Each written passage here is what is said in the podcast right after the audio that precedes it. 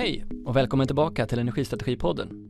Här utforskar vi energimarknadens utveckling genom ögonen på de aktörer som är mitt i den. Jag som delar intresset för bättre förståelse heter Niklas Sigholm. Skåne vindkraftspark med en kapacitet på 1500 megawatt kan vara klar till 2029 om regeringen bara ger klartecken. Det säger Jesper Knut Olesen som är ansvarig för projektutveckling hos Örstedt. I Sverige har de planer på investeringar och håller i nu uppemot 450 miljarder kronor och skulle i sina projekt kunna tillföra 18 gigawatt vindkraft till systemet. Det har redan byggt 26 havsbaserade vindkraftsparker globalt och är därigenom en av de aktörer som leder den havsbaserade vindkraftsutbyggnaden. Vilka lärdomar har då Jesper dragit som pionjär inom den havsbaserade vindkraftsindustrin och vilka krav tror han det kommer behöva möta i framtiden? Här finns mycket att lära för den som lyssnar. Kul att ha er med. Jag kan börja med att säga varmt välkommen till Energistrategipodden. Kul att ha dig med. Ja, mange tak. Jeg er glad for at være her. Jeg synes, det er virkelig interessant at kunne få lov til at tale om øh, offshore energi og energiøer og, og den øh, spændende verden, som vi alle sammen kigger ind i på den her front. Beskriv Ørsted för alla de som inte, av våra lyssnare som inte är bekanta med er. Ja, jamen Ørsted er et øh, energiselskab øh, fra Danmark af, som er majoritetsejet af den danske stat. Øh, så den danske stat ejer lidt over halvdelen, og så er resten et øh, ja, på børsen. Og vi er cirka 7.000 medarbejdere og fokuserer på primært, øh, eller kun renewables. Så det er offshore vind, det er onshore vind, det er sol, og så er det Power to X, og det er vores kerneområder. Vi har tidligere haft en olie- og gasproduktion, som vi øh, strategisk har valgt at, at, at sælge videre til andre, øh, for at hellige os og fokusere på, på renewables. Og det er egentlig også det, hele vores strategi handler om. Det er, at vi vil power the world with renewables og lad det være øh, sådan styringen i alt, hvad vi gør, at vi skal gøre det tilgængeligt for alle. alla. Någonting ni lyfter fram det är att ni eh, har varit eh, väldigt eh, tidiga i att bygga parker, att ni har byggt 26 stycken och att det gör er de facto till en av världsledande när det kommer till att bygga vindkraftsparker. Vi har varit så heldige, kan man sige, at starte allerede i 1991 øh, med den første vindpark. Øh, og, og taget den egentlig derfra. Og det er jo nogle, en helt anden verden, vi kigger på her nu, hvor at det dengang var små møller på et par megawatt til nu at være 14 megawatt vindmøller, der bliver installeret i, i uh, England, er vi i gang med lige nu. Uh, så ja, så vi er gået fra et dansk fokuseret selskab til at være et globalt fokuseret selskab med, med vindmøller nu stående i både Taiwan, Europa och USA. Och för alla er som inte är vana att räkna på danska betyder det alltså 1991, om jag förstår, ungefär. Absolut, ja tack ska du ha. Men flera av oss ändå är ju bekanta med er egentligen som Dong Energy, som är ju något som har sin ursprung i, i olja och naturgas.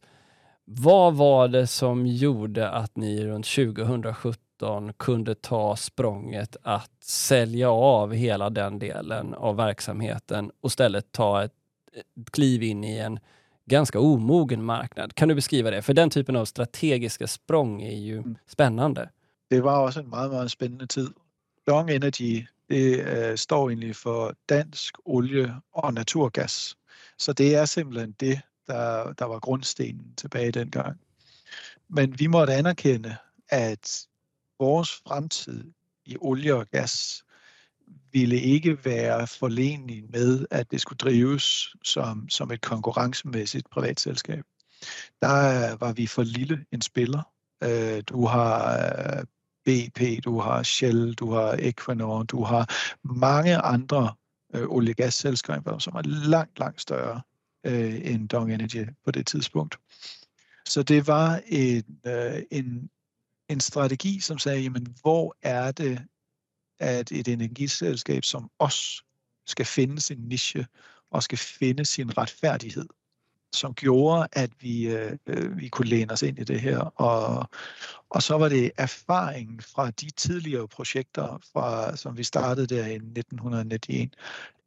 Og der tegnede sig et billede, at der ville være et større og større demand for grøn energi øh, og offshore vind, som egentlig gjorde, som vi sagde, men okay, vi kan ikke være konkurrencedygtige i fremtiden på olie og gas.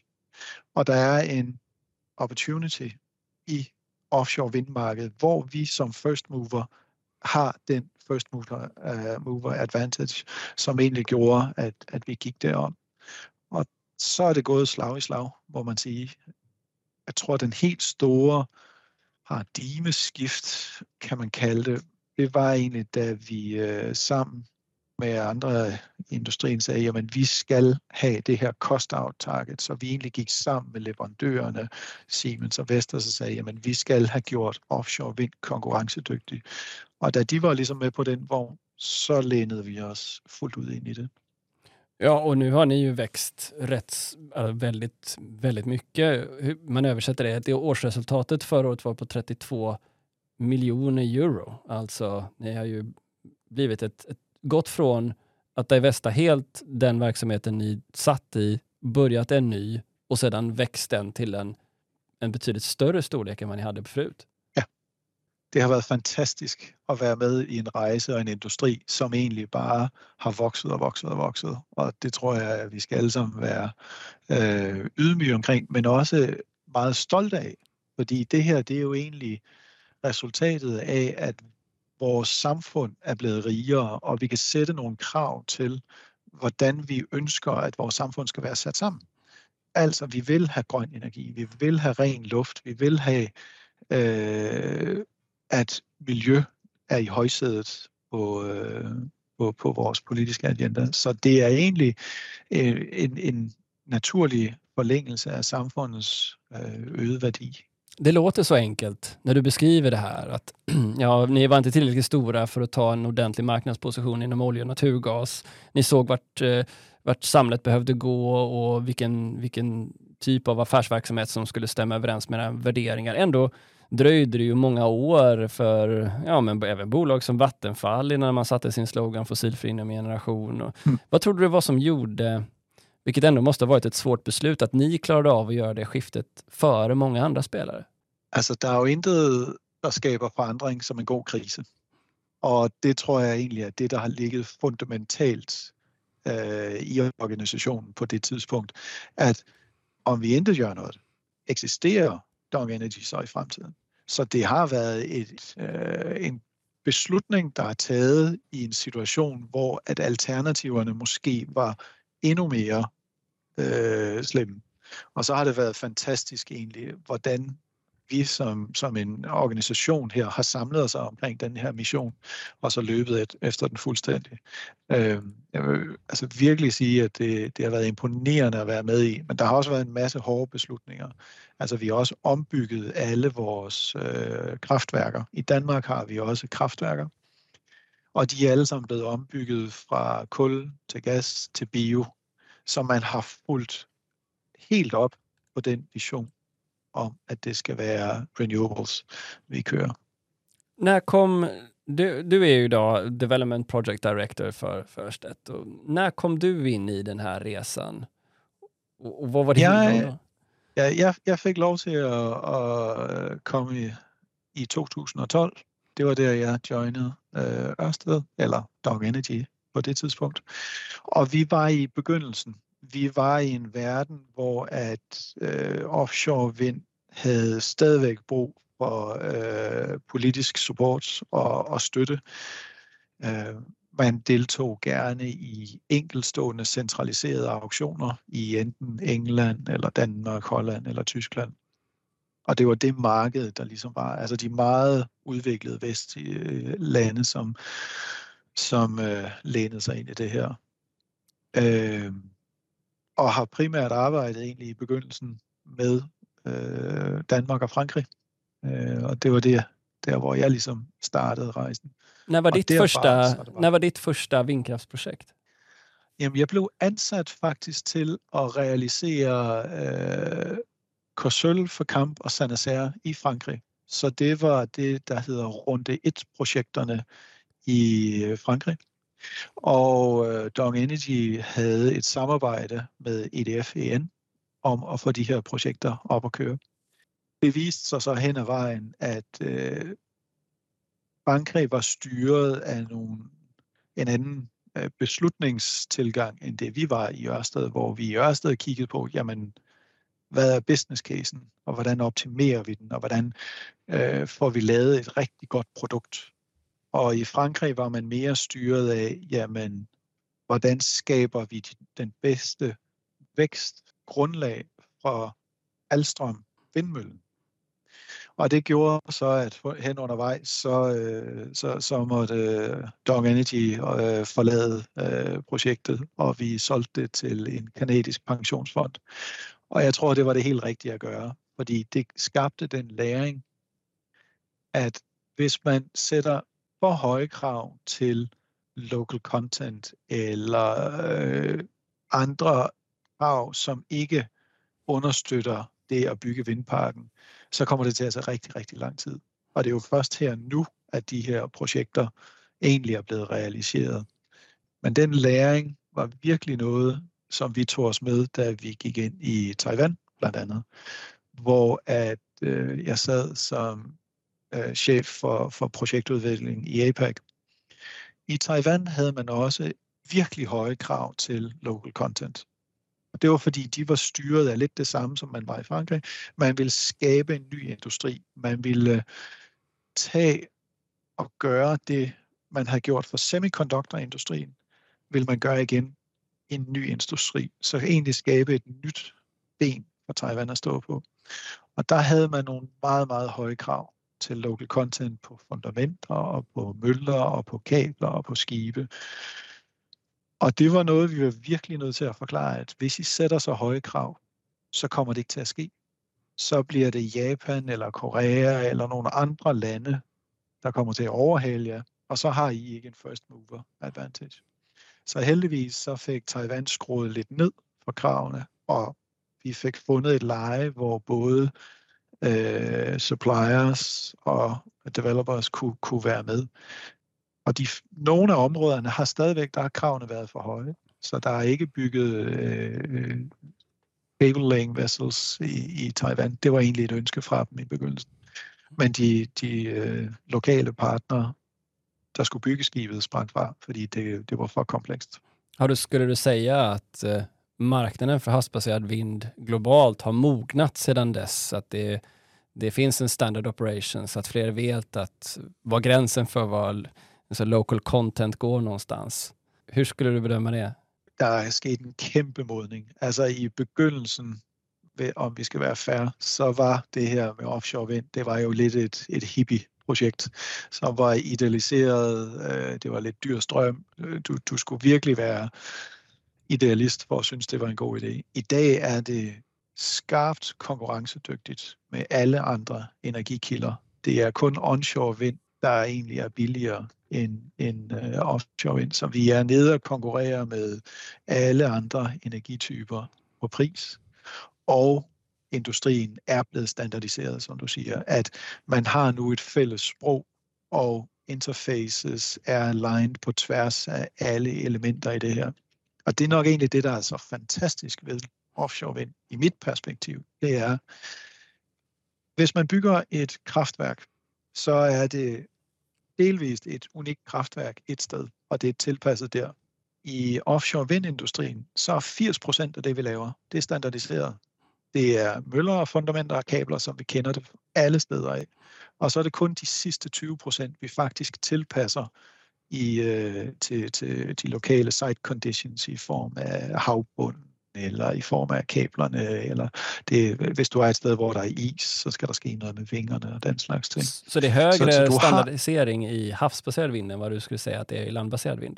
Jeg tror, det virker begge steder. Øh, så vi har helt klart lært fra, fra onshore-industrien, at vejen til cost-out, det er standardisering. Og vi i, øh, det startede faktisk, da jeg begyndte, den her øh, rejse på, jamen vi skal have nogle moduler. Vi skal have nogle faste, standardiserede moduler, vi kan bruge på alle projekter. Og det blev en klar strategi for, at vi kunne lave, den cost-out, som vi, øh, vi vill med industrien. Man måste ändå fråga, för man blir nyfiken givet vilket kluster det finns kring just vindkraft och Danmark. Ehm, mm. Där du å ena sidan säger att ja, det får inte vara för höga krav på lokal content och man vill inte, liksom, man ska bygga ett eget ben och stå på för. Men det egentligen precis vad Danmark har gjort. Man har blivit världsledande inte bara genom eh, själva byggnationen, utbyggnaden, ägandeskapet, produktionen av, utan också själva hardwaren. Vad har det spelat för roll? Eller varför har det blivit så som du ser det? Jamen altså, jeg tror egentlig, at det, det kom meget naturligt, i og med de første projekter lå i Danmark. Så skulle suppliersen også lägga sig tæt på der. Og Danmark lagde sig en klar strategi om, at jamen, vi skal ikke, vi var tidligere 100% afhængige af energi, der var importeret. Og med energikrisen, der kom i 70'erne, så lagde Danmark sig en klar strategi om, at vi skal have tre ben at stå på. Vi skal have noget, vi laver selv, vi skal have noget, vi importerer, og vi skal have noget, vi trader på markedet. Og det var egentlig det, man lagde sig ned ind i, og så sagde det skal vi opnå. Så den danske regering lavede et regi og et setup, som egentlig fremmede offshore vind og lagde grundstenen. I begyndelsen var det meget, meget risikobetonet, så staten var nødt til at tage nogle af risiciene. Men nu har man fået med industrien øh, de-risket og mitigeret alle de her ting, så nu kan industrien stå på sig selv, og det fantastiske er fra Danmarks side af, det er lige nu, hver eneste gigawatt, der bliver installeret i hele verden, har faktisk altså en eller anden form for produktion, der stammer tilbage fra Danmark. Om det er ingeniørtimer, eller om det er vinger, eller møller, eller et vessel, eller et eller andet. Og det setup, det kan virkelig øh, eksporteres. Og vi kan jo bare se på Sverige, altså øh, Hitachi, ABB, øh, altså der, der er ret mange industrispillere i Sverige, som eksporterer deres produkter til offshoreindustri alle mulige andre steder. Så vi kan kun håbe, at de også kommer og lov til at, at bygge noget i Sverige. Ja, Okej, okay. så branschen utvecklas. Du är med och bygger de här vindkraftparkerna och lär dig det. Jag antar att mycket i början har att göra med att förstå hur standardisering driver ner kostnader. 2017 så gjorde regeringen en utvärdering av havsbaserad vind och utredaren bedömde att den havsbaserade vinden skulle med vinden i ryggen kunna komma ner till ett LCOE någonstans mellan 46 euro och 76 euro år 2035. Vad tänker du när du hör den siffran idag? Alltså att vi om 13-14 år skulle kunna ligga kanske ner mot en, en 76 euro per megawattimme. Altså, så må man jo sige, så har vi jo været en kæmpe succes, øh, fordi vi er jo langt foran den forudsigning.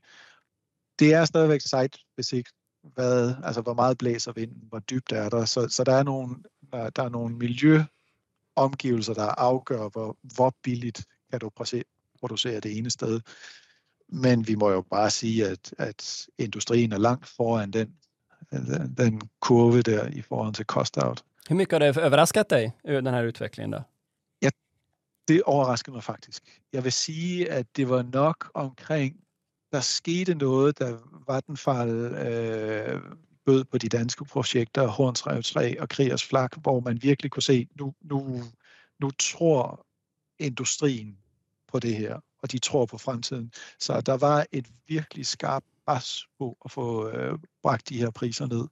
Og det må man sige, vi blev overrasket på hver eneste auktion, der var, kunne vi bare se, at øh, denne her competitiveness i, i markedet blev skarpere og skarpere og skarpere, og, og det man så som risks tidligere, de var der ikke længere. Og den andra delen antar jag som påverkar den här kostnaden för att bygga vindkraften är ju också storleken på den. Och det pratar ni ju också i mycket av ert material, hur den har gått från ja, storleksmässigt att, att vara kanske i höjd någonstans runt 35 meter till att vara upp mot 150, 160, 170, ja med vingbladen hela vägen upp till 250 meter. Mm. Hur har den utvecklingen känts från insidan? I begyndelsen så var det jo, altså så var vi jo fantastiske øh, øh, over, at vi havde en 4 megawatt mølle. Så fik vi i industrien, ah, så kom Siemens med en 6. Ah, men nu kan det snart ikke blive større så blev det 8, så blev det 10, så blev det, og nu står Vestas med en 15 megawatt mølle. Altså, den teknologiudvikling, der har været i den her industri, er jo, altså i min verden, det er jo lidt ligesom at skulle øh, ja, the Apollo program. Ikke? Altså du har, du har set teknologien udvikle sig hurtigere og større end vores fantasi egentlig kunne sætte grænser. Så jeg vil sige, hvor ender det her? Jamen, det kan ende alle steder. Altså, jeg tror, at vi skal passe på med at sige, at teknologien vil begrænse os. Det tror jeg faktisk ikke. Det vil være nogle andre parametre, der, der begynder at sætte grænser for, jamen, hvor store møller vil vi have, og hvor store enkel øh, knudepunkter vil vi have. Øh, altså, al den her energi skal stadigvæk ind i et nationalt netværk. Øh, svenske kraftnet skal kunne modtage al den strøm, der kommer ind. Så, så den rejse har været virkelig spændende at være øh, øh med i. Det er en af de få industrier, som jeg kender til, hvor hver eneste gang du byder på et nyt projekt, så byder du med en mølle, der ikke findes. Så hver eneste gang vi har lavet et projekt, så har vi ikke taget den mølle, der fandtes. Vi har tænkt på, hvad kan møllen være, når vi bygger. Og det er godt nok innovativt. Har det, har det blivit så också? Har det blivit så att ni har använt de möllorna som ja. då inte fanns när ni la budet? Yes. Hver eneste gang har vi taget den nyeste, nyeste mølle, der næsten lige var kommet ud af produktionen. Fordi det har bare vist sig gang på gang, at economics of scale matters her. Altså, så jo større mølle, desto færre positioner du kan have i parken, desto bedre. Fordi så skal du rundt og servicere færre positioner, og du får mere for din øh, vesseltransport hver eneste gang. Nu då, vad skulle du säga är er core kompetens när det kommer till, eh, till vindkraften just? Vad, jag menar, det finns ju de som är jättebra på att screena och ta fram development och, och, och sen mera sälja projekten. Det finns de som kanske är jättebra på engineering och procurement. Det finns de som är bra på finansieringssidan. Var någonstans skulle du säga är, är ni, behöver ni vara starkast? Jag antar att alla områden är viktiga såklart, men om du skulle välja ut någonting där det är särskilt viktigt som du ser det? Altså det, der har tjent Ørsted godt, det er, at vi er committed. Så når vi går ind i et land eller et marked, så er vi der for ikke bare et enkelt projekt. Vi er der for at løfte en industri, eller skabe en industri, eller realisere et, et, et større portefølje. Fordi når vi tager den perspektiv, så, øh, så tager du nogle andre valg undervejs. Altså du tænker mere langsigtet, så du er villig til at investere i at få de rette suppliers eller den rette uh, regulatory uh, framework på plads. Så det har tjent Ørsted godt, og det er der, hvor vores kernekompetence har været, at jo mere og jo mere komplekst det har været, desto bedre. Jeg kan huske, vores øh, tidligere CEO havde en tanke omkring, øh, vi, vi skal, vi, der er mange steder, du kan konkurrere. På et maraton, det er for simpelt. Vi skal have en Ironman, og vi skal gerne have det extreme. Så jo mere komplekst det kunne være, desto mere der var interfaces, desto bedre kunne vi få vores organisation i spil. Og det er det, vi har, har lykkes med rigtig, rigtig godt. Af de 26 pakker, som du nævner der, der er de jo alle sammen blevet, øh, blevet leveret. Vi har ikke gået for et projekt endnu. De er alle sammen blevet leveret, alle dem vi er gået i gang med. Vad är det som... Eh, för det här att, att ta ett projekt hela vägen till även drift och underhåll och eh, liksom hantering av, av parken längs hela dess livstid är, kommer ju också med en kostnad, en strategisk kostnad såklart. Det kräver ju en, en organisation, det kräver en balansräkning, det kräver en, en, en närvaro på marknaden som sträcker sig över decennier. Vad är det som har gjort att ni har utvecklat den förmågan som du ser det? Jamen, jeg tror, det startede med, det var vi nødt til. Fordi da vi begyndte med parkerne, og vi begyndte i den her industri, jamen så var der ikke rigtig andre, der gjorde det. Så det var egentlig et, et behov, altså jamen, hov, når vi har bygget den her park, så skal vi også kunne drifte den og servicere den. Det, det var sådan en helt naturlig øh, Øh, tilgang til det, fordi der var ikke rigtig andre, der kunne løfte den opgave. Og så har vi egentlig bare bygget kompetencerne videre og videre i at kunne håndtere hele life cycle af, af sådan en vindpark der. Øh, det vi har været rigtig heldige med, har nok også været, at vi havde vores øh, olie gas ben at stå på i begyndelsen, fordi det kræver rigtig meget kapital at bygge det her op. Så i begyndelsen så var det helt klart sådan, at pengene blev tjent i olie og gas, og vi, og vi brugte dem rigtig hurtigt over i øh, renewables, over i offshore. Så lige så hurtigt de kunne tjene dem, lige så hurtigt brugte vi dem. Og så tippede det heldigvis undervejs, hvor vi også begyndte at tjene penge. Men, øh, men, men de mange første år, der kunne man godt se på regnskaberne, at øh, ja, hvem der tjente penge og hvem der brugte dem. Jag tänker en annan sak är ju att det kan ju vara två lite olika typer av organisationer. Dels den som är lite nybyggaranda som hittar sajter och ska utveckla dem och hantera politiken. Å andra sidan den delen som rör då vad operational excellence är. Och ska du ta det på en marknad så kräver det ju att du verkligen också når operational excellence jämfört med andra. Vad är det som sticker ut i er förmåga där skulle du säga? Jamen, altså, du har helt ret, fordi det er meget forskellige kompetencer. Altså, når du er oppe i, i front-end øh, med market development, med project development, så er det nemlig hele tiden at have en masse mulige løsninger i spil på samme tid. Når du kommer over til construction, så er det vigtigste for dem, det er at have én løsning og et mål, de kører efter. Så, så kompetencemæssigt er det meget, meget forskelligt. Og øh, jeg synes, det er fantastisk at være oppe i frontend, hvor at man har kæmpe påvirkning på det hele men man har også store usikkerheder. Andre synes, det er mere interessant at sidde i, i construction, hvor at man så bygger den ene løsning, som man er kommet frem til. Og så har du ret i, at så over i den anden side, jamen operations excellence, det er, hvordan kan vi hele tiden cost out de sidste 2%? Hvordan, hvordan finder vi 2% år efter år efter år og bliver bedre og bedre og bedre til det, vi gør? Så vi har hos Ørsted tre forskellige organisationer til at håndtere det her. Og så samarbejder vi på, på tværs rigtig, rigtig meget, men det er tre meget forskellige tilgange til øh, vindparken, vi har. Vad ger det för typer av fördelar för er som operatör? Det här att ni kan avgöra när någonting ska repoweras eller när det ska renoveras eller ja, kanske helt läggas ner. Jag vet inte.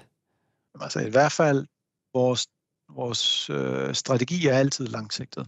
Så når vi tager en beslutning, så er det drevet af, hvad koster det over 25-30 år, frem for hvad koster det i dag. Altså giver det mening over den langsigtede plan.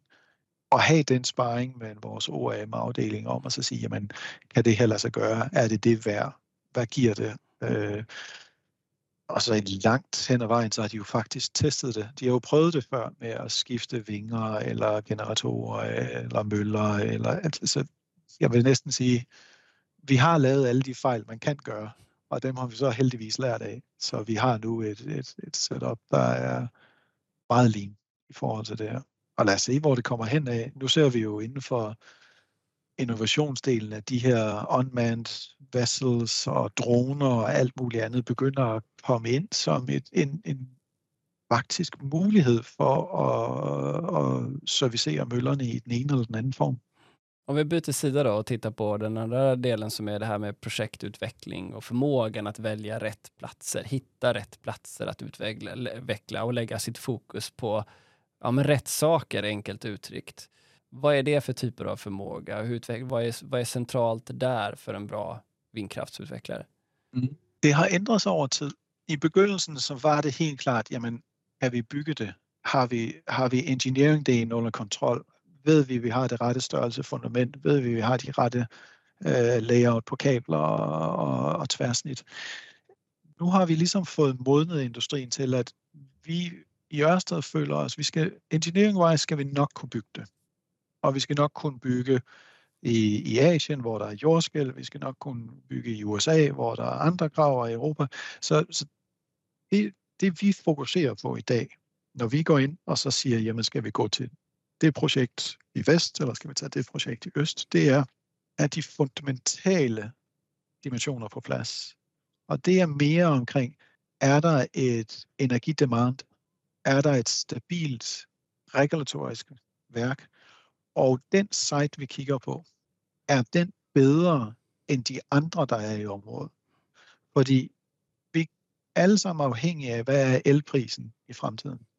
Og derfor er det vigtigt, at du ved, jamen den vindpark, du har, kan den producere bedre eller billigere end andre vindparker i området. Så vi bruger meget tid på at prøve at udvælge de rette områder og sikre os, at havbund eller øh, naturområder eller vindhastigheder eller grid eller offtake muligheder er positioneret rigtigt for det her projekt. Fordi hvis du fundamentalt set har et godt, skal vi kalde det produkt, så er du konkurrencedygtig også i fremtiden, uanset hvordan øh, energipriserne måtte gå op og ned, eller makroøkonomien ændrer sig, eller inflation øh, kan påvirke dit projekt. Så, så det har egentlig været en utrolig spændende rejse for det her, fordi da jeg startede, så var det, har vi det rigtige fundament? Har vi teknisk set lavet det rigtige produkt? Det er også vigtigt i dag, men det er ikke der, hvor du vinder på. Du vinder på at fokusere over på revenue-siden og sige, har du det rigtige overordnede produkt? För jag, jag, tänker det tror jag är något som man inte är i vindkraftsmarken och eh, vindkraftsbranschen nog inte känner till. Man tänker kanske lite ving, havsbaserad vindkraftspark som havsbaserad vindkraftspark. Hur stor skillnad kan det göra jag menar, du måste ju ha sett ett, en del dåliga exempel på marknaden också genom tiden. Allting kan ju, som har byggts till havs kan ju inte ha varit bra, i alla fall inte när du har sett konkurrenter och bedömt vad de gör. Hur stor skillnad i output och resultat och lönsamhet skulle det kunna vara mellan å ena sidan då göra de här analyserna om exakt hur ska vi bygga den här vindkraftsparken rätt för att få generera rätt värden kontra om du inte är så bra på det? Alltså det, det är det, som avgör om din ditt projekt kommer till att vara rentabelt. Det är helt kritiskt att du säkrar att det här blir riktigt. För om du får ett, ett layout, där du taber, eller hvor du ikke får de sidste 1-2% ud af din vindpark, eller at dit grid af din, din transmission operator ikke har et stærkt nok grid, så de bliver nødt til at slukke din vindpark en gang imellem. Det er det, der afgør, om du tjener penge, og du, om du har en god business case. Så, så det er, altså, man skal ikke glemme, at det her er stadigvæk kæmpe store infrastrukturprojekter. Det er mange penge, og det er high-tech engineering, der skal til for at få det her til at gøre. Så det gælder virkelig om at sørge for, at du får de her rammebetingelser helt rigtigt. Men du... Når du først har bygget vindparken, så kan du ikke lave den om. Men då blir jag ju nyfiken, för jag menar även i Sverige så finns det ju havsbaserade vindkraftsutvecklare åtminstone som inte är en bråkdel så stora som ni är och inte alls den typen av långsiktig erfarenhet, men som ändå gör både anspråk på rätt så stora havsområden och anmäler och vill då bygga rätt så stora vindkraftsparker blir inte det en osäkerhet för oss som samhälle då, vilken kompetens en sån projektör och utvecklare har för att just designa det som du kallar nu för avgörande faktorer för vindkraftsparkens eh, leveranser? Altså, som du sagde også tidligere, der er nogen, der specialiserer sig i at prøve at styre stakeholder-gamet. Der er nogen, der prøver at specialisere sig i at finansiere parken. Der er nogen, der prøver at specialisere sig i att, at, at, at bygge man skal i hvert fald være meget, meget opmærksom på, hvad er det, jeg er god til? Hvad er det, vi kan levere her? Og øh, jeg tror, der er masser af kompetente udviklere derude, absolut. Men det er virkelig vigtigt, at man ikke tror, at bare fordi, at man kan lave et projekt, der får en tilstand, at man så også kan bygge det. Eller bare fordi, at man har været øh, god til at finansiere et projekt, at man så kan finde ud af at udvikle eller identificere, hvor det rigtige projekt er. Det kräver en meget, meget bred expertise och fagne det hele. Skillnaden nu då i, när alla går den här vägen mot mer förnyelsebart i Europa är ju naturligtvis att ni får den här formen av samvariation med annan vindkraft eller förnyelsebar kraft. I alla fall vindkraft i den bemärkelsen att det tenderar att blåsa ungefär lika mycket över olika delar kanske av, av ett visst hav. Ehm, hur, och, och, vi då får som en konsekvens av det en, en, en mer volatil eh, elbörs. Det slår sig mm. igenom i prissättningen. Eh, och vi därtill då har en ökad förflyttning i bakvattnet av Ukraina-kriget som gör att vi vill ha en ännu snabbare utvecklingstakt av, av vindkraften.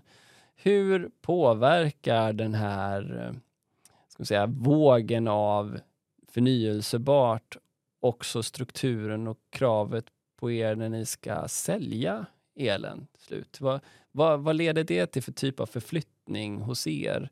Ja, men for os, så, eller jeg tror egentlig, hvis man kigger på Europa, øh, og, og, og de øh, kræfter, der ligesom er, jamen, jo mere vi kan elektrificere vores samfund, og jo mere vi kan interconnecte dem, desto bedre. Så din, din, du har fuldstændig ret i, at udsvinget mellem øh, dag og nat, eller øh, man må jo egentlig sige her, at, at det har jo egentlig vist sig, at vi som forbrugere kan virkelig godt tilpasse vores forbrug. Så kan vi lade vores elbiler på det tidspunkt, hvor det er billigt. Nogle gange er det faktisk midt på dagen, når vi er på arbejde, når vi er på jobbet, så er det der, hvor elen er billigst. Og så når vi skal hjem og lave øh, øh, mad, øh, og vi alle sammen er derhjemme, så bliver det rigtig, rigtig dyrt. Så vi skal sørge for, at markederne er forbundet og interconnected, fordi at så kan vi få sendt elen derhen, hvor der er brug for den. Det er egentlig en, i min verden en naturlig udvikling, fordi at du kan sige, at de fleste nationale grids er ret godt interconnected. Der er altid nogle flaskehalse, som, som er udfordringer, men den interconnectivity, vi har på et nationalt niveau, skal vi have ud på et øh, europæisk niveau.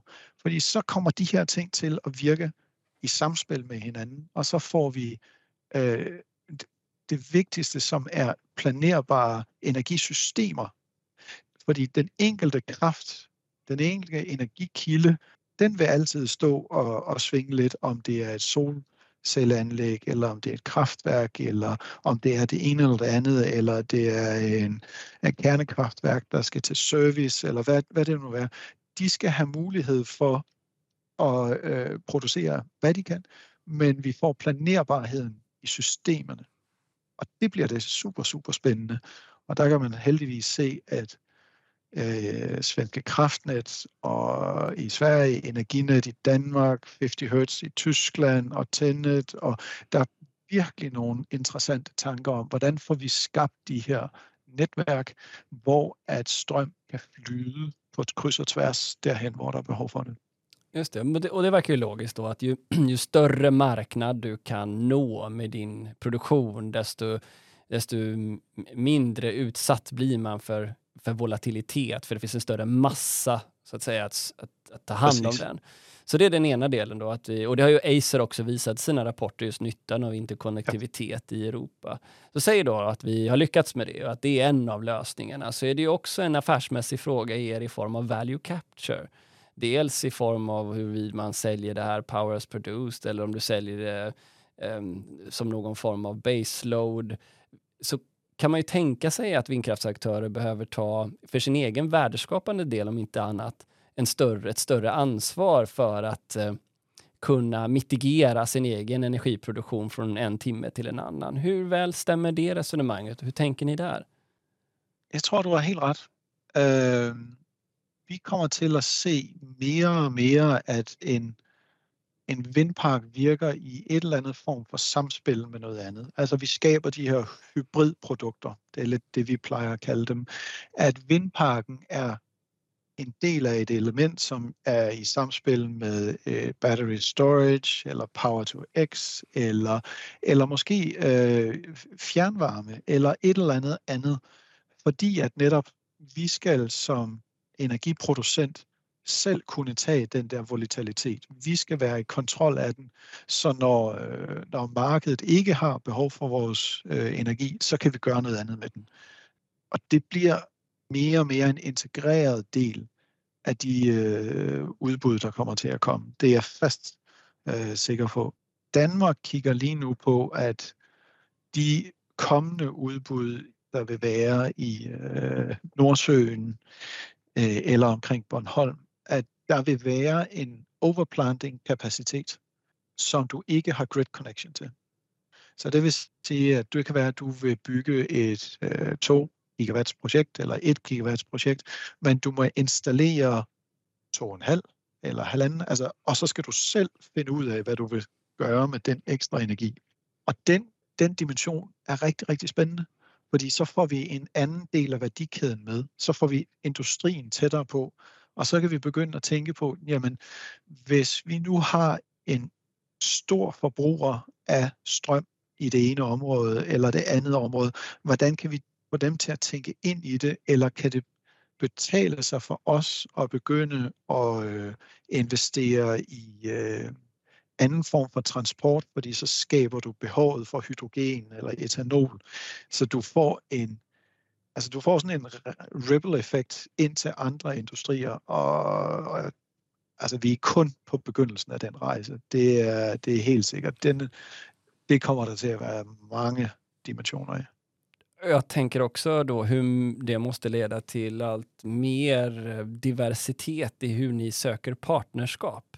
För ni blir då delvis integrerade i andra företags värdekedjor och ni ska bygga upp en ny teknik som kräver andra samarbetspartners. Jag kan notera att ni bara redan idag ibland är totalt samarbetspartner med Vattenfall, ibland är konkurrenter. Och det, det verkar vara en, en, en ständig utveckling, också ganska komplext i hur de här partnerskapen etableras. Har jag rätt då? Eller beskriv gärna.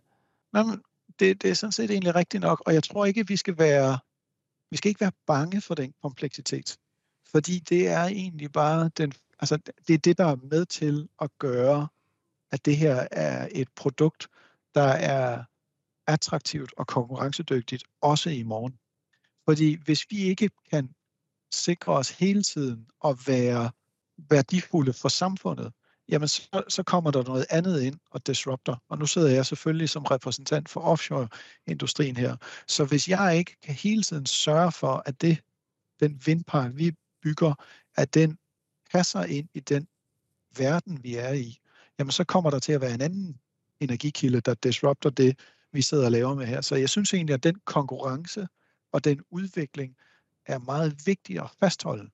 Vi skal hele tiden sørge for, at der er konkurrence, fordi det gør altså så bedre til at levere de her produkter. Vi måste ju ställa höga krav på er organisation också och förmå att eh, bibehålla, bygga den här typen av partnerskap som ju inte bara är ett avtal utan också kan vara en teknisk integration er emellan. Eh, ja, man ska vara, och det, det är nog där hvor det passar så fint med att vi har en, en organisation, der tager sig af front-end, market development project, og vi har construction, og vi har eh, asset management og operation over den anden ende, fordi vi har plads til alle. Og hvis du vil gerne have det super struktureret, så passer du godt ind i construction. Hvis du er lidt mere, nu lyder det forkert at sige fleksibel, for det er de også i construction, men, men afhængig af hvad du hvor du får dit drive og din energi fra, jamen så er det måske mere over i, i den lidt mere usikre verden af, af, af market development, project development. Men det gør også, at har du en god idé, så lytter vi. Altså, så en medarbejder her hos os, vi stiller altid, eller jeg stiller altid det krav til vores projektorganisationer, det er, jamen, I, der sidder i organisationen og snakker og kender alle, det er jer, der er specialisterne inden for jeres felt. Så løsningerne og de gode idéer skal komme fra jer. Så kom og fortæl det. Verden bliver ikke løst top-down. Det gør den ikke. Idégenereringen sker hos os alle sammen. Og det synes jeg egentlig bare er en utrolig spændende verden at, at få lov til at være med i. Og, og jeg synes nogle gange, at på nogle af de her unge ingeniører eller business developer ind, der kan udfordre os på den måde, vi tænker, det skaber så meget værdi hele tiden. Så bring it on vil jeg næsten mm. sige, at det, det skal vi bare fortsætte med. Ja. Born in constant change låter det lite Helt Lätt. ja. Okej, okay. men nu har vi pratat länge. Men vi ska försöka gå vidare här. Ehm, ni har ju också blivit uppmärksammade i Sverige för er Sverigesatsning som ju skulle göra er till i ett slag en, eh, för att inte säga den största energiproducenten i vårt land med en investeringsvolym föreslagen på uppåt en 450 miljarder kronor och en total projektportfölj på 18 gigawatt. Då, som referens då att svenska elsystemet idag ligger på någon form av maxtak på mellan 24 till 26 gigawatt. Så det är nästan en portfölj som motsvarar ett helt nytt land.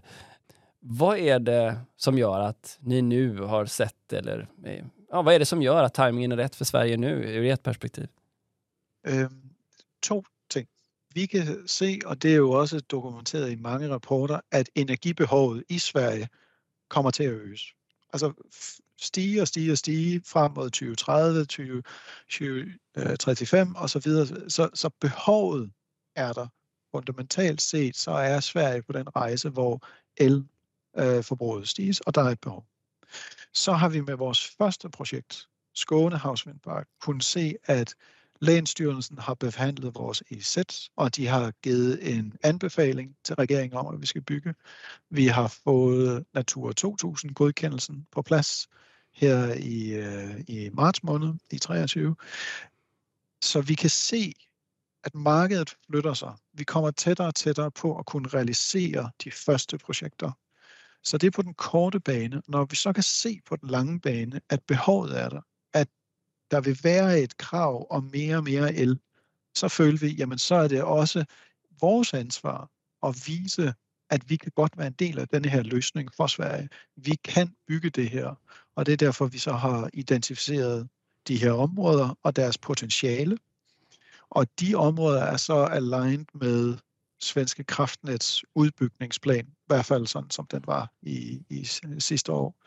Øh, så vi har prøvet at koordinere og finde de rigtige sites i forhold til site conditions, i forhold til load centers og i forhold til den vision, som Svenske Kraftnet har. Og kan vi kombinere det, så har offshore vind en fantastisk fremtid sammen med Sverige. Vad är realistiskt att tro att de här projekten om, skulle ta i, i tid? Ja, det finns en tidsdimension här också. Sverige behöver ju inte bara mycket el, vi behöver dessutom väldigt mycket el väldigt fort. Om man yes. nu tittar på det, 2030 redan så skulle vi ju behöva tiotals terawattimmar till helst om, om industrin skulle få som de ville. Och där har ni ju Gävle havsvindpark, ni har två stycken i Gävle, ni har Kattegatt, ni har Gotlands havsvindpark, Baltic Central havsvindpark eh, eh, utöver den som är i Skåne. Då. Vad är det för tidsdimensioner ni, ni pratar om? Kan vi, kan vi få den här elen tack till 2035? När vi kigger på vår sida, så ja. Så vi kan få, øh, hvis vi tager Skåneprojektet, så om den svenske regering siger, ja, byg det, så kan vi være klar i 2029 med den Skåne Havsvindpark. Og det baserer vi på hele vores erfaring af de 26 vindparker, vi har bygget, og vores dialog med suppliers. Kan vi få møllerne? Kan vi få fundamenterne? Kan vi få kablerne? Den pakke har vi styr på. Så det vi er afhængige af, det er egentlig, at Sverige siger, ja, nu må I gå i gang. Og de andre projekter, og som du nævner, så er det, vi har taget den samme perspektiv, hvor vi har sagt, jamen, vi har også bygget onshore grids. Så hvad, hvor hurtigt tror vi, at svenske kraftnet kan udbygge deres grid? Og så taget samme dialog med supplierne, og så sagt, jamen, om vi har brug for x antal gigawatt i de her, de her år, kan I så levere. Og det vil kræve en stor udbygning af supplier-netværket. Det er ikke en lille opgave, men inden for den 10-års periode, som vi ligesom har sat os i, i, i udsigt her, så ser vi helt klart, at det kan lade sig ske. Fordi det er, vi har gang på gang set, at når projekterne er awarded, når der er nogen, der har eksklusiviteten, så tildeles kontrakterne til nogle suppliers. Og hvis der er et behov for at bygge og investere i en ny supply chain, en, en fabrik eller øh, fundamentsfabrik eller vessels, så følger det med. Så vi har de sidste 10 år kigget på, uha, der er bottlenecks, og de kommer, og det bliver svært og alt muligt. Men de projekter, som er blevet tildelt øh, eksklusivitet eller har vundet en auktion, de har kunnet gå i markedet og få deres produkter, fordi det er et eller andet sted supply and demand balance. Så du får ikke, en, øh, du får ikke suppliers til at investere over, hvad de kan afsætte, øh, og så følger det egentlig bare i pænt hånd i hånd. Så vi tar de här, de här, säg vi skulle få all den utbyggnad som industrin aviserar nu och vi fram till 2035 skulle behöva 250 terawattimmar istället för 140. Det är ju egentligen 90 till. Det du säger nu är att det är, det är fullt rimligt att inte bara bygga de 90 terawattimmarna utan dessutom betydligt mer än så fram till 2035. Det er i hvert fald op til politikerne i Sverige og embedsværket i Sverige at finde muligheden for at kan, øh, kan lykkes med det her. Industrien er klar. Vi kan godt læne os ind i det her, og vi vil gerne læne os ind og løse den her opgave. Så den, og det er egentlig ikke et svensk problem kun, det er et europæisk problem. Altså der har vi jo nu øh, en, en, øh, nogle visioner i, i Europa for, hvordan kan vi nedbringe tiden, det tager at få permits til et projekt. Fordi det er egentlig det, der er den største udfordring lige her nu. Det er, den tid, det tager for at få en permit, gør, at alle de her projekter, ja, de ligger langt ude i fremtiden, eller har ligget langt ude i fremtiden. Så, øh, så, så Europa har jo sat sig en, en, en ambition, en meget høj ambition for, hvordan kan du få tilladelse til et projekt inden for et år. Og det har øh, EU's medlemslande så lænet sig ind i og, og accepteret lad os se, nogle gange er de politiske ambitioner højere, end hvad virkeligheden kan levere, men, men det går i den rigtige retning. Säg att du skulle prata med svenska regeringsrepresentanter om det här med att få ner tillståndstiderna för nya eh, energiparker. Vad, vad, skulle du lyfta som liksom en eller två enskilt viktigaste lessons learned som skulle vara centrala? För Sverige har ju en eh, relativt sett andra länder i Europa en ganska lång tillståndstid trots allt. Ja, det är mycket intressant. Uh, øhm, hvert land har ju haft sin uh, foretrukne tilgang, och det är också något kultur i det här kan man säga. Danmark har tagit en approach, hvor at det är centralt, at man de-risker projektet, man aligner med alle stakeholders, og de har så gjort det, at der er en deadline for hearings. Så når man sender noget ud i høring, når man sender noget i offentlig høring, så skal modtagerne svare inden en deadline. Og myndighederne er forpligtet til at svare inden en deadline. Det har været en af de elementer, der virkelig har fungeret godt i Danmark og i andre lande, at du må ikke have en open-ended, altså det må ikke være sådan, at myndigheder eller NGO'er kan uendeligt bede om mere tid, fordi så kommer det til at bare fortsætte og fortsætte og fortsætte. Så hvis vi som udviklere kan se, at vi starter, vi indsender en ansøgning, og vi ved, at den proces tager et, et, et halvt eller to år, men så er den slut. Den sikkerhed vil betyde umådelig meget for industrien, fordi så kan vi planlægge efter det, så kan vi så lige så snart, at et projekt øges i modenhed, jamen så følger investeringerne også med. Så det er lidt, lidt ligesom supply and demand, så er det jamen, lige så meget commitment, der kommer fra samfundet af, jamen så følger projekterne med, og så vil du se dem komme igennem processen. Lite annorlunda den öppen dörr-princip som vi använder just nu då alltså.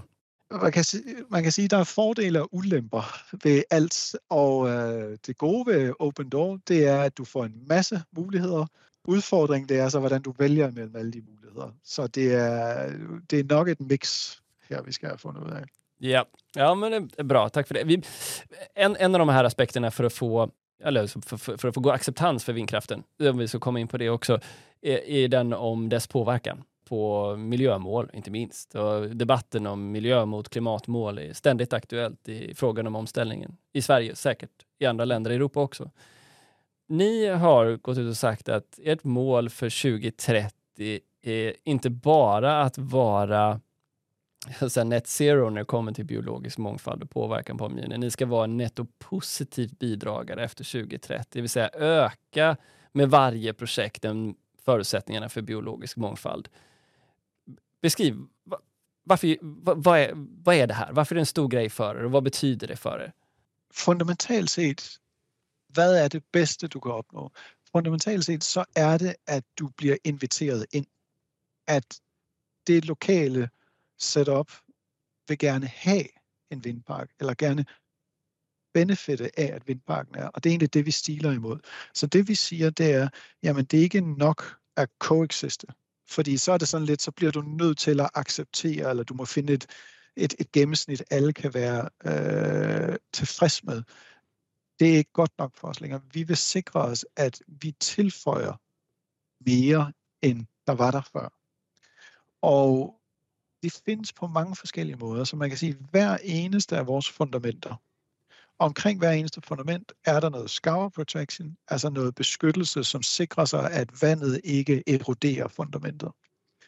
Det fungerer fantastisk som øh, naturlige rev for øh, havsvindparken og for alle de fisk og de krabber og skalddyr og øh, i sidste ende også delfiner, altså tumler i området.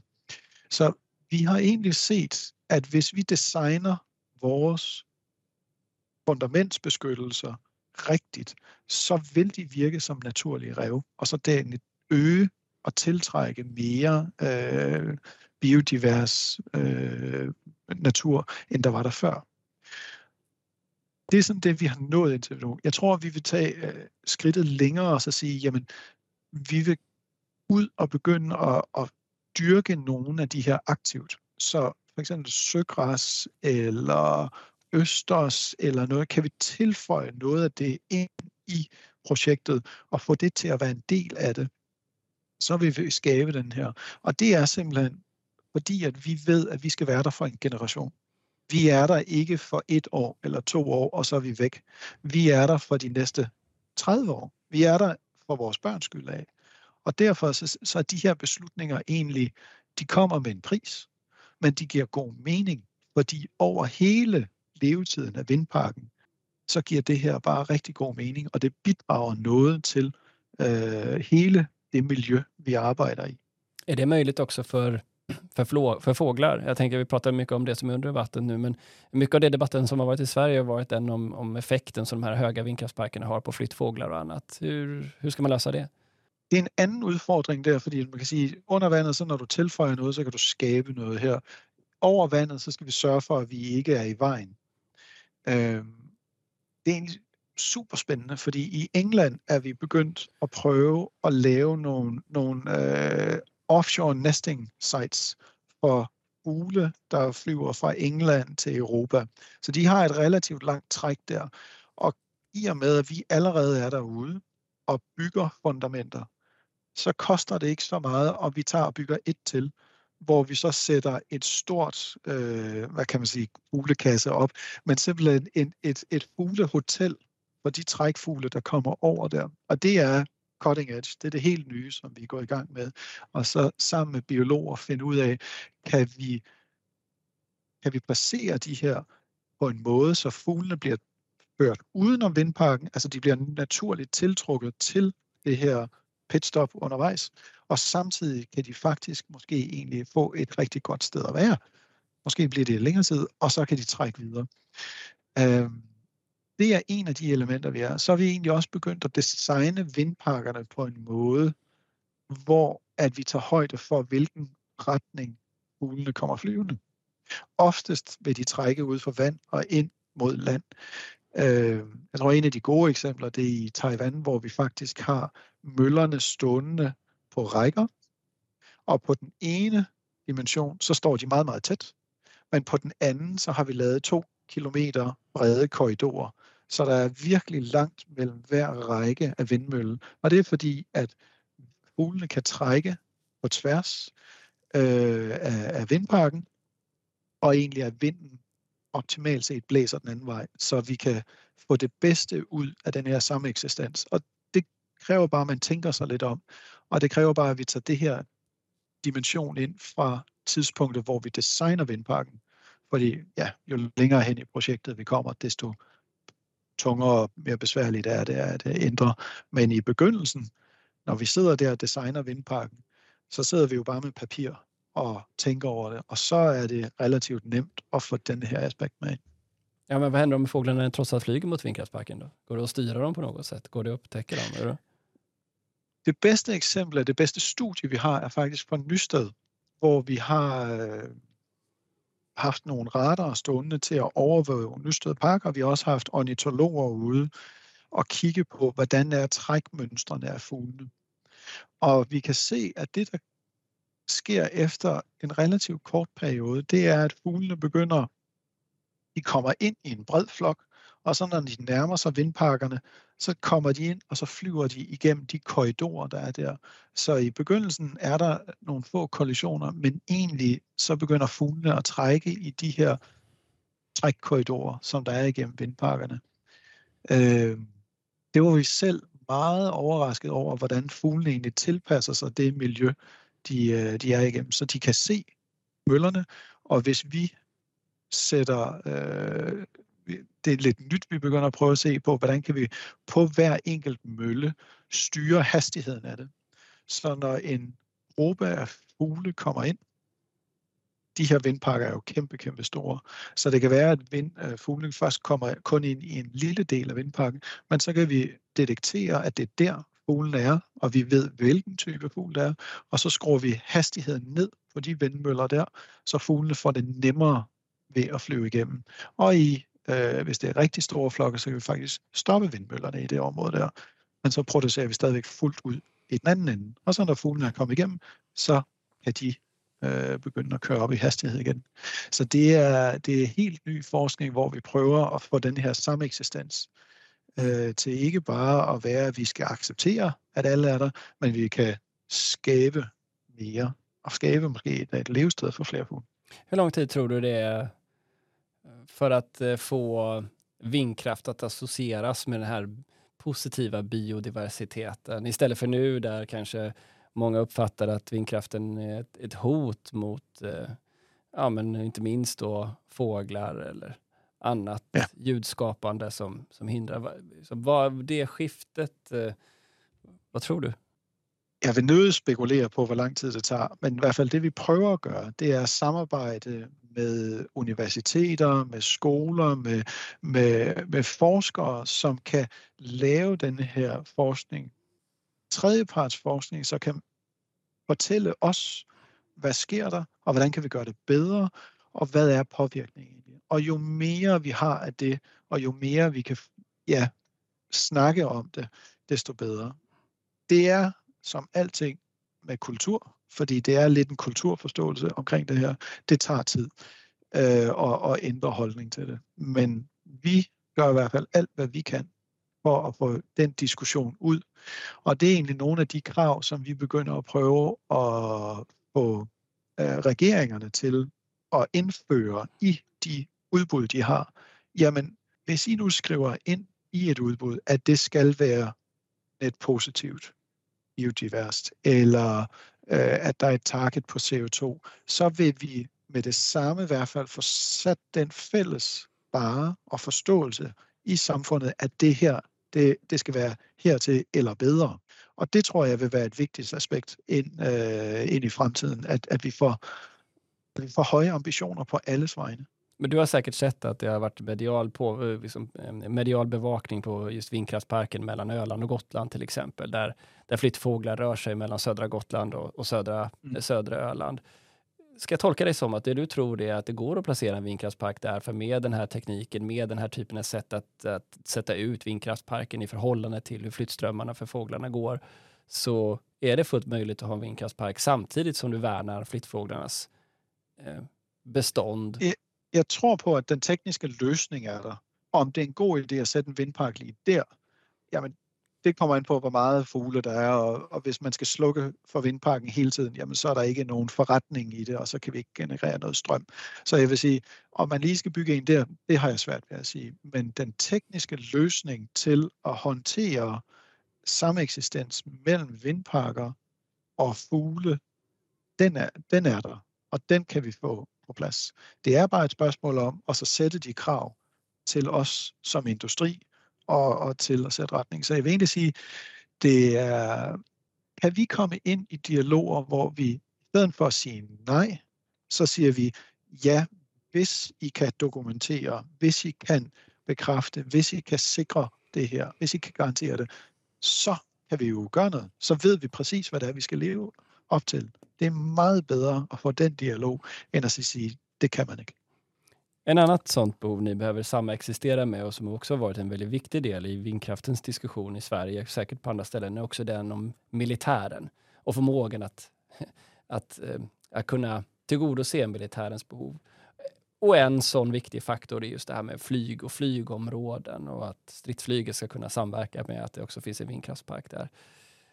Vad händer där? Hur ska vindkraften kunna samexistera med militära intressen?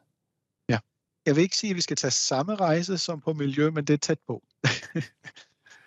I begyndelsen så var det her med offshore vind, det var jo en enkelt park hister her, og der kunne man næsten altid finde ud af at, at gøre noget andet, så, så militæret kunne, kunde kunne øh, acceptere parken. Så der var ikke den store fokus på det.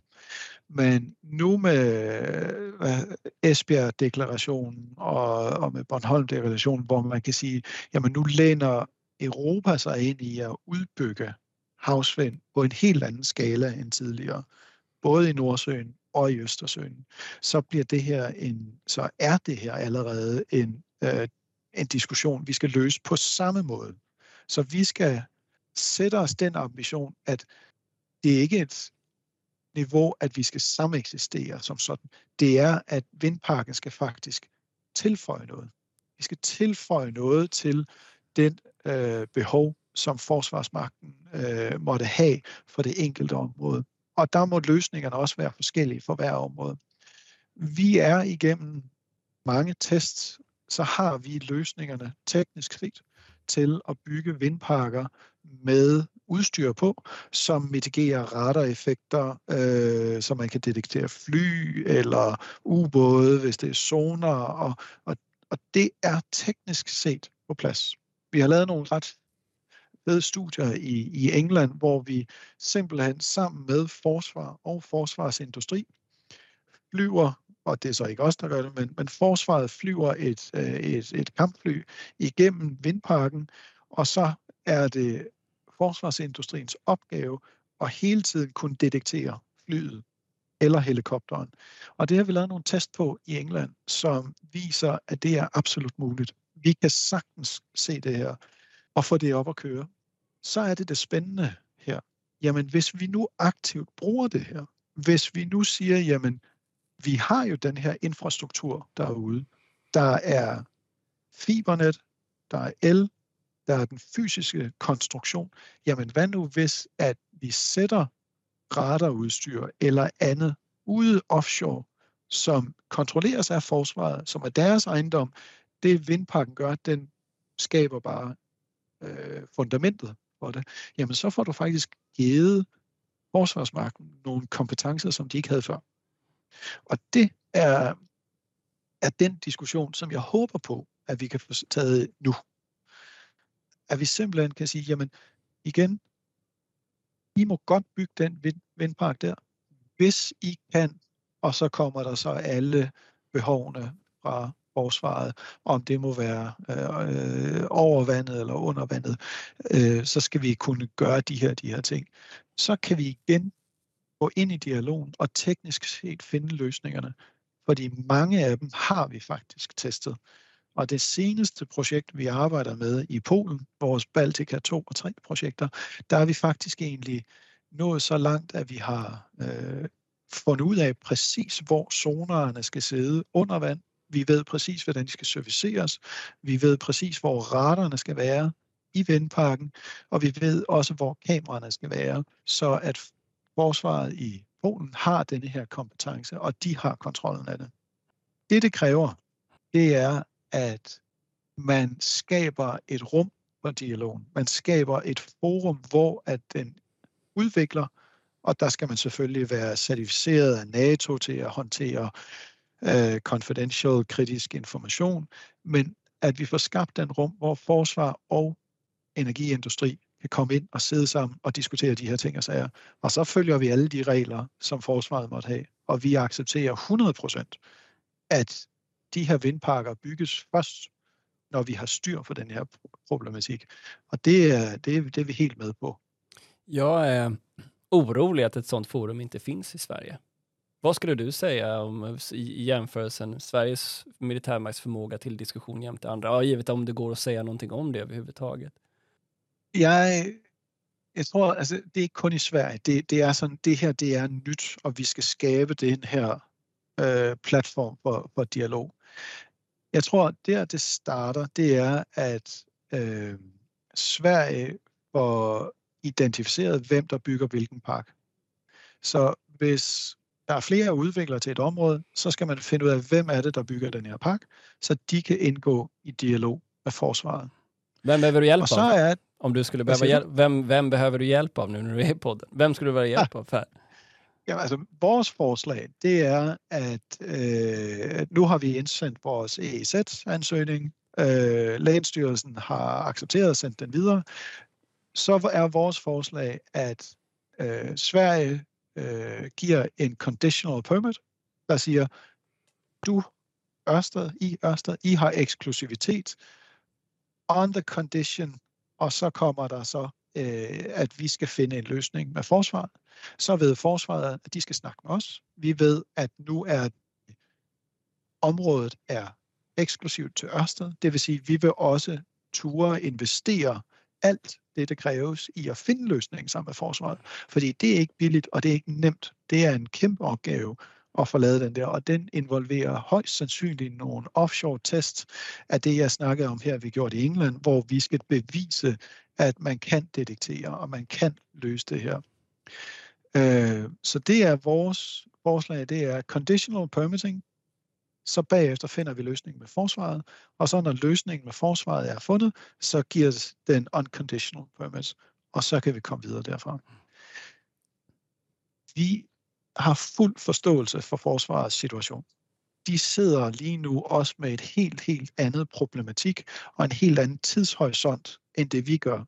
Altså hvis jeg sad der, så har de jo nok på agendaen Ukraine og sikkerhed og Rusland og alt noget. Og det er noget, der er i dag og i morgen og de næste par uger. Vindindustrien sidder med noget, der siger, jamen om fem år, om 6 år, om 10 år og om 15 år. Så der er to forskellige kulturer her, som vi skal have til at sætte sig sammen og, øh, og finde løsninger. Og den eneste måde, vi kommer ind og finder de løsninger, jamen det er ved, at den svenske regering siger, vi accepterer vind, vi vil gerne have det, conditionally accept, nu skal I sætte sig ned og finde løsningen. Og så, så skal vi nok øh, gøre vores. Okay, om jag ska försöka summera ihop det här nu då, så beskriver du alltså då en, en, en standardisering, en modularisering av branschen som driver ner kostnaden, allt bättre förståelse för designen av vindkraftsparker, för hur de ska bidra med värde, ett allt större behov av interkonnektivitet i Europa, men också ett större ansvar för er som vindkraftsutvecklare att ta hand om variabiliteten i er produktion genom exempelvis vätgas eller batterier eller andra offsets, så att ni kan vara med och ta en del av ansvaret för stabiliteten i näten. Ni ser att ni kan driva på en ökad biodiversitet genom att eh, tillhandahålla undervattensmöjligheter för torsks, torsk och ostron och tumlare. Och ni ser att ni kan bättre anpassa vindkraftsparken för att också vara i harmoni med flytt, flyttfågelströmmar över, över land. Och ni skulle också kunna inte bara vara en, en, en, en samarbetspartner utan en förbättrare för de militära förmågorna runt ett land som, som skapar ökat skydd och säkerhet. Det där är ju en rätt så attraktiv berättelse du har kommit med vad gäller vinden och havsvindens utveckling. Vad är, vad är Det er din en spaning? fantastisk opgave. Men, men, vad, är, vad, är, vad är det för fråga jag har här? Vad är, vad är det som ligger i vägen? Vad, eller vad tror du? Kommer det bli så här? Vad, ge, ge, mig en, ge mig och oss en, en, en framtidsspaning, är du snäll. Vad, vad kommer vi vara om fem, sex år, tror du, i, i Norden? Om vi tar det som en, som en gräns. Om vi, om vi tager aktivt hånd om det her, og så siger, at vi vil det. Vi vil simpelthen have et bedre samfund. Og så skal man stille de her krav til industrien. Industrien er med på at tage denne her, det her ansvar for fremtiden. Så kommer det til at ske. Så det er jeg sådan set ikke urolig for. Men det jeg godt kan se, det er, at alle de her diskussioner kan tage meget, meget lang tid. Og det er nok der, min største bekymring er. Det er, at vi ikke gør noget. Det er næsten det værste, vi kan gøre. Det er at gøre ingenting. Och vad säger du till din dotter då, när du vill skänka, skänka henne hopp och framtidstro?